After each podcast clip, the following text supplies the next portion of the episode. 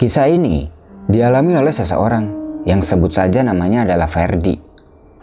Jadi, Ferdi ini tidak seperti orang pada umumnya. Dia mempunyai kelebihan yang bisa melihat mereka.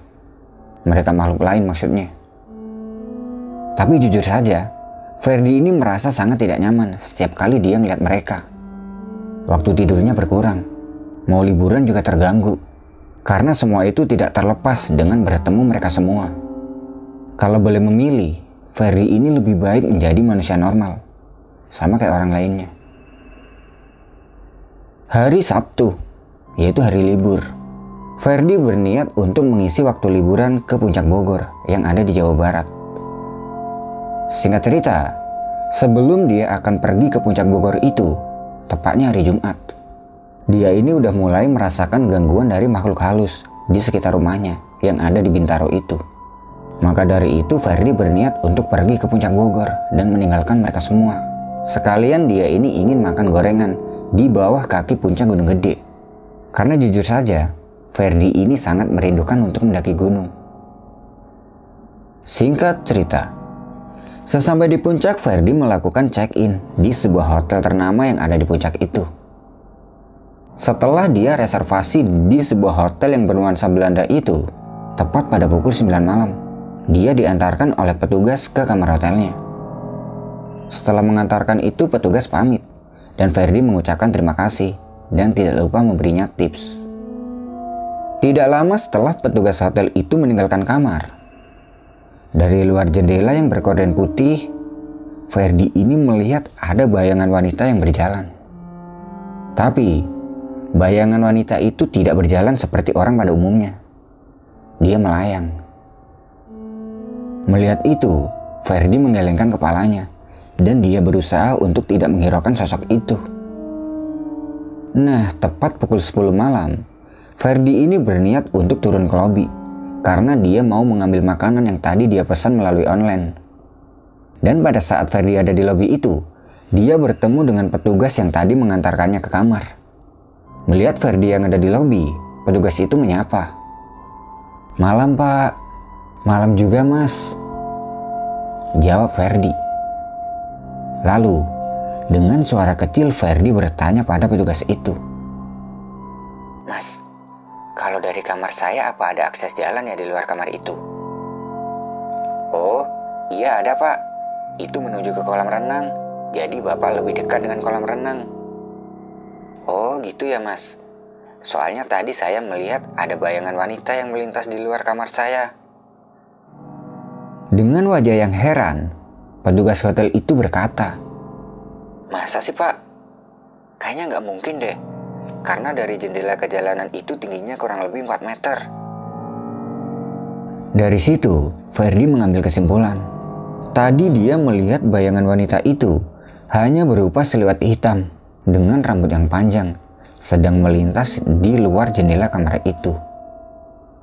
Nah, berarti sosok itu melayang kan? Karena nggak mungkin banget kalau dia ini jalan, mengingat jarak jendela dan kamar itu tingginya 4 meter. Dalam hati Ferry bilang, ya udahlah nggak apa-apa, asal jangan sosok pocong aja. Jujur saja, nggak tahu kenapa Ferdi ini takut banget kalau ngelihat bungkusan yang berwarna putih itu. Bisa-bisa dia lari terkencing-kencing kalau ngelihat sosok itu. Kemudian Ferdi berpamitan sama petugas hotel itu. Karena makanan yang dipesannya udah tiba. Masih dengan keadaan bingung dan heran, petugas hotel itu menjawab dengan terbata-bata. Oh, iya pak, baik. Sambil dia menganggukkan kepalanya. Gak mau ambil pusing, Ferdi lebih memilih peduli sama perutnya yang udah lapar itu. Karena sejak tadi dia keluar dari tol Ciawi, dia ini belum sempat makan. Kemudian Ferdi masuk ke kamarnya sambil menyantap makanan yang tadi dipesannya, sambil dia ini nonton TV. Setelah selesai makan dan menghabiskan beberapa batang rokok, waktu sudah menunjukkan jam satu malam. Kemudian Ferdi mencoba untuk tidur, karena besok dia ingin pergi ke warung di kaki Gunung Gede, tempat biasa Ferdi packing kalau dia akan mendaki ke Gunung Gede. Tapi, kali ini Ferdi tidak mendaki, dia hanya bermain doang Tepat pukul 2 malam ketika Ferdi sedang tidur. Dia ini merasakan sesak di bagian dadanya. Sampai dia ini susah untuk bernafas. Seperti ada yang menindihnya. Merasakan semua itu Ferdi mengucap istighfar dalam hati. Dan seketika itu dia bangun dengan keringat yang udah membasahi bajunya. Nah, kalau dipikir, ini aneh. Gak mungkin banget Ferdi ini tiba-tiba berkeringat di cuaca puncak yang begitu dingin dan ditambah AC kamar. Ferdi tahu kalau semua ini mungkin gangguan dari sosok yang tadi dilihatnya di luar jendela. Ketika bangun itu, Ferdi melaksanakan sholat tahajud dan tidak lupa mengucapkan terima kasih sama sosok itu. Karena sosok itu yang membuat Ferdi bangun untuk melaksanakan sholat tahajud dan bisa membuat makhluk itu musnah. Singkat cerita, semua berjalan normal hingga Ferdi pulang. Dan pada saat di tol dalam kota, tepatnya di tol Pasar Minggu, Ferdi yang mengendarai mobil sendiri saat itu macet. Dia melihat ada tiga kepulan asap dari pinggir tol. Tiga kepulan asap itu terdiri dari dua kepulan asap seukuran orang dewasa dan ada asap kecil di tengah-tengahnya. Itu merupakan tahapan dari makhluk itu kalau hendak menampakkan wujudnya. Ferdi mengabaikan semua itu. Karena pasti itu adalah penampakan yang mungkin minta tolong atau entah apa. Dia mengalihkan pandangannya ke DVD yang dia putar di mobilnya. Dan lama-kelamaan, kemacetan di jalan tol itu perlahan pulih dan Ferdi bisa berjalan kembali. Setelah jalan cukup jauh, ternyata di depan ada sebuah kecelakaan. Yang Ferdi baca di media berita online di berita itu tertuliskan, kecelakaan itu menewaskan satu keluarga yang terdiri dari suami istri dan satu anaknya. Ferdi sempat melihat ke mobil yang rusak parah itu dan masih ada darah yang menetes di sela-sela mobil itu. Seketika itu dia teringat dengan tiga kepulan asap yang ada di pinggir jalan tol tadi. Kemudian dia membacakan Al-Fatihah untuk korban yang kecelakaan itu. Singkat cerita, Ferdi sampai di rumah pada jam 9 malam dan langsung memarkirkan mobilnya di depan rumah. Setelah dia membuka pintu pagar, dia melihat ada sosok anak kecil yang berdiri di dekat lampu taman. Lampu taman itu sudah putus beberapa hari yang lalu dan anak itu kisaran umur 8 tahun. Dia mengenakan kaos krem dan celana pendek hitam dengan rambutnya yang lepek dan ada air yang menetes dari rambut hingga di dagunya. Terlihat anak itu seperti baru saja berenang. Dilihatinlah anak itu sama Ferdi. Kamu anak siapa? Ngapain di rumah saya? Kan pintu pagar saya terkunci. Anak itu tidak menjawab apa pun. Tatapannya datar dan wajahnya pucat banget, seperti mayat yang baru tenggelam di dalam air. Setelah diperhatikan, Ternyata warna kaos anak itu bukan krem, tapi warna merah. Yang Ferdi kira tadi kaos anak itu warna krem, ternyata itu adalah tanah yang udah campur air yang menempel di baju dan celana anak tersebut. Seketika itu Ferdi merasa sangat pusing, pandangannya buram, dan seperti mimpi, tiba-tiba dia ini sudah berada di sebuah tempat yang dia juga tidak tahu di mana itu. Saat ini, Ferdi sedang berada di tepi danau. Dan dia melihat ada tiga anak kecil yang sedang bermain di pinggir danau tersebut. Ferdi terus memperhatikan tiga anak itu dari tepi danau. Sepertinya anak-anak itu sedang membicarakan sesuatu. Kemudian Ferdi mendekati tiga anak itu. Dan dari situ Ferdi tahu. Tiga anak itu diajak oleh anak yang baju merah itu mandi ke danau. Tapi Kedua anak lainnya tidak berani karena mereka pikir danau itu dalam. Tapi si anak baju merah itu terus meyakinkan pada temannya itu kalau danau ini tidak dalam. Eh, ayo sini. Danaunya nggak dalam kok, dangkal. Ucap si anak baju merah itu sambil menunjuk ke arah danau. Sontak Ferdi menoleh dan melihat ke arah danau yang berwarna hijau itu. Ferdi yang mengetahui kalau danau itu dalam, dia coba melarang tiga anak itu. Tapi mereka tidak menghiraukan teriakannya Ferdi. Bahkan mereka ini seperti tidak menyadari keberadaan Ferdi. Anak baju merah itu kemudian langsung nyebur ke danau. Dan sepertinya dia ini nggak bisa berenang. Dia teriak meminta tolong. Tapi suaranya ini tertahan oleh air. Sekian detik, anak itu sudah tidak tampak lagi. Dan kedua temannya langsung lari untuk mencari bantuan. Ferdi pun khawatir dengan anak baju merah itu. Dia mencoba mencari anak baju merah itu dengan ranting kayu. Lalu, seketika orang-orang beramai-ramai datang ke danau itu, hingga mereka ini nabrak tubuhnya Ferdi. Nah, dari sini Ferdi merasakan ada yang aneh. Dari sekian banyak orang-orang yang ada di situ, mereka ini tidak menyadari keberadaan Ferdi. Hingga Ferdi melihat seperti ada orang yang melarungkan nampan atau wadah yang berisikan kopi hitam, bunga kopi, dan kue-kue seperti jajanan pasar. Saat itu juga, Ferdi melihat ada yang keluar dari danau itu, seperti tubuh manusia. Baju merahnya sudah penuh lumpur, dan kulitnya sudah sedikit membengkak pucat. Melihat itu Ferdi langsung ingat bahwa Anak itu adalah anak yang berdiri di halaman rumahnya waktu itu. Tidak lama kemudian, Ferdi mencium seperti bau minyak kayu putih. Dan ternyata itu memang bau minyak kayu putih yang dioleskan tetangganya dan security kompleks ke hidungnya Ferdi. Di situ Ferdi sangat terkejut karena menurut mereka Ferdi ini tadi pingsan di halaman rumah.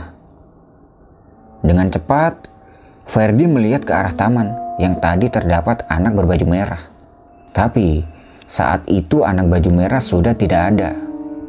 Lalu Ferdi mengucapkan terima kasih pada mereka karena sudah menolongnya. Setelah itu, Ferdi pamit masuk ke dalam rumah untuk istirahat. Sesampai di dalam rumah, Ferdi mengambil segelas air dan diminum. Sambil dia ini memikirkan kejadian yang dialami barusan. Tepat pukul 2 malam, Ferdi bermaksud pergi ke kamar mandi untuk berbilas dan sholat. Baru setelah itu dia tidur. Setelah selesai berbilas, di kamar mandi yang letaknya di samping ruang dapur. Dari sisi tembok rumahnya, yang dia ketahui sebelah rumahnya adalah rumah kosong yang sudah hampir dua bulan dikosongkan oleh pemiliknya yang sudah pindah. Ferdi seperti mendengar suara geraman dan tidak lama muncul tangan besar dan hitam dengan kuku-kukunya yang panjang. Lalu muncullah kepala hitam dengan dua tanduk dan taringnya. Ada sedikit rambut di antara dua tanduk itu. Rambutnya ikal panjang hingga sampai ke leher makhluk itu. Makhluk itu seperti ingin masuk ke dalam rumah Ferdi, tapi nggak bisa. Hanya kepala dan jari-jarinya doang yang masuk menembus tembok. Melihat itu Ferdi kaget, tapi dia berusaha untuk tenang dan meminta perlindungan pada Tuhan agar rumahnya ini tidak dimasuki oleh iblis laknat itu. Jadi, dulu Ferdi ini sudah pernah memagari rumahnya dengan pagar gaib. Setelah itu dia meneruskan niatnya untuk sholat, kemudian mencoba untuk tidur. Waktu sudah menunjukkan pukul 3 pagi. Tapi, Ferdi tidak bisa tidur karena dia terus terbayang dengan sosok yang tiba-tiba muncul tadi. Lalu, Ferdi memutuskan untuk pergi ke rumah ibunya yang tinggal di kompleks Jakarta Barat. Nah, ketika dia keluar rumah dan akan berjalan menuju ke mobil, dia ini mendengar ada suara geraman yang sama persis seperti suara geraman yang tadi didengarnya di kamar mandi. Mendengar itu, Ferdi langsung melihat ke atas, ke atap genteng. Dan di situ terdapat sosok yang tadi dilihat Ferdi di kamar mandi. Dia masih berusaha ingin masuk ke rumahnya Ferdi, tapi tetap nggak bisa. Sosok itu duduk di atap genteng rumah. Badannya hitam dan besar, dengan kakinya yang menjulur panjang. Ferdi mengabaikan sosok itu dan lekas masuk ke dalam mobil. Sesampainya di dalam mobil, dia melihat ada anak kecil berbaju merah yang sebelumnya sudah pernah dia lihat. Anak itu sedang melambaikan tangannya, seakan meminta tolong. Tapi kembali lagi, melihat sosok hitam itu yang masih duduk di atap genteng, Ferdi ini takut. Hingga akhirnya dia mengabaikan dua sosok itu dan bergegas menghidupkan mobil menuju ke rumah ibunya. Sesampai di rumah ibu, Ferdi langsung memarkirkan mobilnya di garasi rumah. Jadi rumah ibunya Ferdi ini klaster, tidak ada pagar rumahnya. Setelah mobil sudah terparkir, dia bergegas masuk ke dalam rumah sang ibu dan ternyata tidak dikunci. Di dalam rumah, ada kakaknya Ferdi yang sedang duduk di ruang tamu. Melihat kedatangan Ferdi, dia berkata, Eh, datang juga kamu. Kenapa? Habis diajak jalan-jalan ke masa lalu ya? Ferdi menjawab, Iya kak. Gue kasih tahu sedikit gambaran tentang kakaknya Ferdi. Jadi, kakaknya Ferdi ini sering dimintai tolong orang-orang untuk memindahkan makhluk halus yang mengganggu manusia.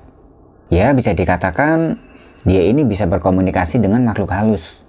Dan Ferdi menceritakan tentang sosok yang ditemuinya itu sama kakaknya. Nah, setelah mendengar cerita dari Ferdi, sang kakak berkata, Sosok anak kecil itu, jiwanya terperangkap oleh makhluk besar itu Anak kecil itu mencoba berkomunikasi dengan kamu, Ferdi, karena kamu bisa melihat dia. Jadi dia coba untuk minta tolong sama kamu untuk membebaskan jiwanya dari makhluk jahat itu. Oh, jadi gitu ya, Kak? Tapi aku nggak berani, Kak, kalau harus membebaskan anak itu dari makhluk seram itu. Melihatnya saja aku udah ngeri, apalagi kalau sampai berhadapan dengan makhluk besar itu. Iya, bisa-bisa nanti kamu yang bertukar posisi dengan anak kecil itu. Anak kecil itu bebas, malah jiwa kamu yang ditahan sama makhluk besar itu. Lalu, sang kakak bercerita. Sebelum perumahan yang sekarang kamu tempati menjadi rumah kamu itu adalah sebuah rawa dan ada danau yang tidak terlalu besar di dalamnya. Nah, makhluk besar itu usianya sudah ratusan tahun menempati lokasi itu. Dia sebenarnya tidak mengganggu, dan tidak mau dipindahkan karena dia merasa itulah tempat dia sebelum adanya perumahan. Tapi sosok anak itulah yang mengganggu. Anak itu terjebur di danau itu karena ulahnya sendiri. Dan tempat anak itu meninggal dulu sekarang menjadi rumah kamu. Tepat di halaman rumah kamu itu. Seketika itu suasana menjadi hening. Kemudian kakak Ferdi lanjut cerita. Ya begitulah tipu daya setan Fer. Tidak semudah itu kita membebaskan apa yang sudah menjadi ketepatannya. Maka dari itu, tanamkan ilmu agama ke anak cucu kita kelak, agar tidak tersesat di dunia maupun di akhirat, dan jangan sampai lengah dalam menjaga anak. Karena itu bukan diberikan begitu saja oleh Tuhan, tapi kitalah yang memintanya kepada Tuhan dengan proses dan ketepatannya. Maka, jaga dan rawatlah apa yang telah kamu minta dan berikan oleh Tuhan. Itulah yang disebut amanat. Tapi aku kasihan sama sosok anak kecil itu, Kak. Rohnya tidak seharusnya di situ tempatnya. Ya udah, sekarang kamu keluar rumah, lalu kamu lihat di seberang rumah ibu deh. Ferdi menuruti ucapan sang kakak. Kemudian dia bergegas keluar rumah. Di depan rumah, dia melihat ada sosok anak kecil yang dilihatnya di perumahan Bintaro itu. Tapi, kali ini penampilan anak kecil itu berbeda. Bajunya rapi dan tidak basah. Rambut serta badannya pun kering. Dia terlihat sedang tersenyum dan melambaikan tangan. Kemudian dia menghilang seperti cahaya putih kecil dan terbang ke langit. Ferdi pun kembali masuk ke dalam rumah dan berbicara dengan kakaknya. Kak, anak kecil tadi kok ada di depan rumah? Tapi penampilannya berbeda. Dia lebih rapi dari sebelumnya. Kakak Ferdi tersenyum dan menjawab, Itu karena niat tulus dari hati kamu yang berniat untuk melepaskan dia. Kamu baru niat aja dia udah bebaskan dari cengkeraman makhluk besar itu. Itulah keutamaan sholat fair. Apa yang mengganjal di hati kamu, Tuhan coba bebaskan ganjalan sekecil apa pun itu kepada hambanya yang bertakwa kepadanya. Ya, Alhamdulillah, jalannya dipermudah. Ya udah, aku mau ambil wudhu dulu kak. Ucap Ferdi, karena memang waktu itu sudah masuk subuh.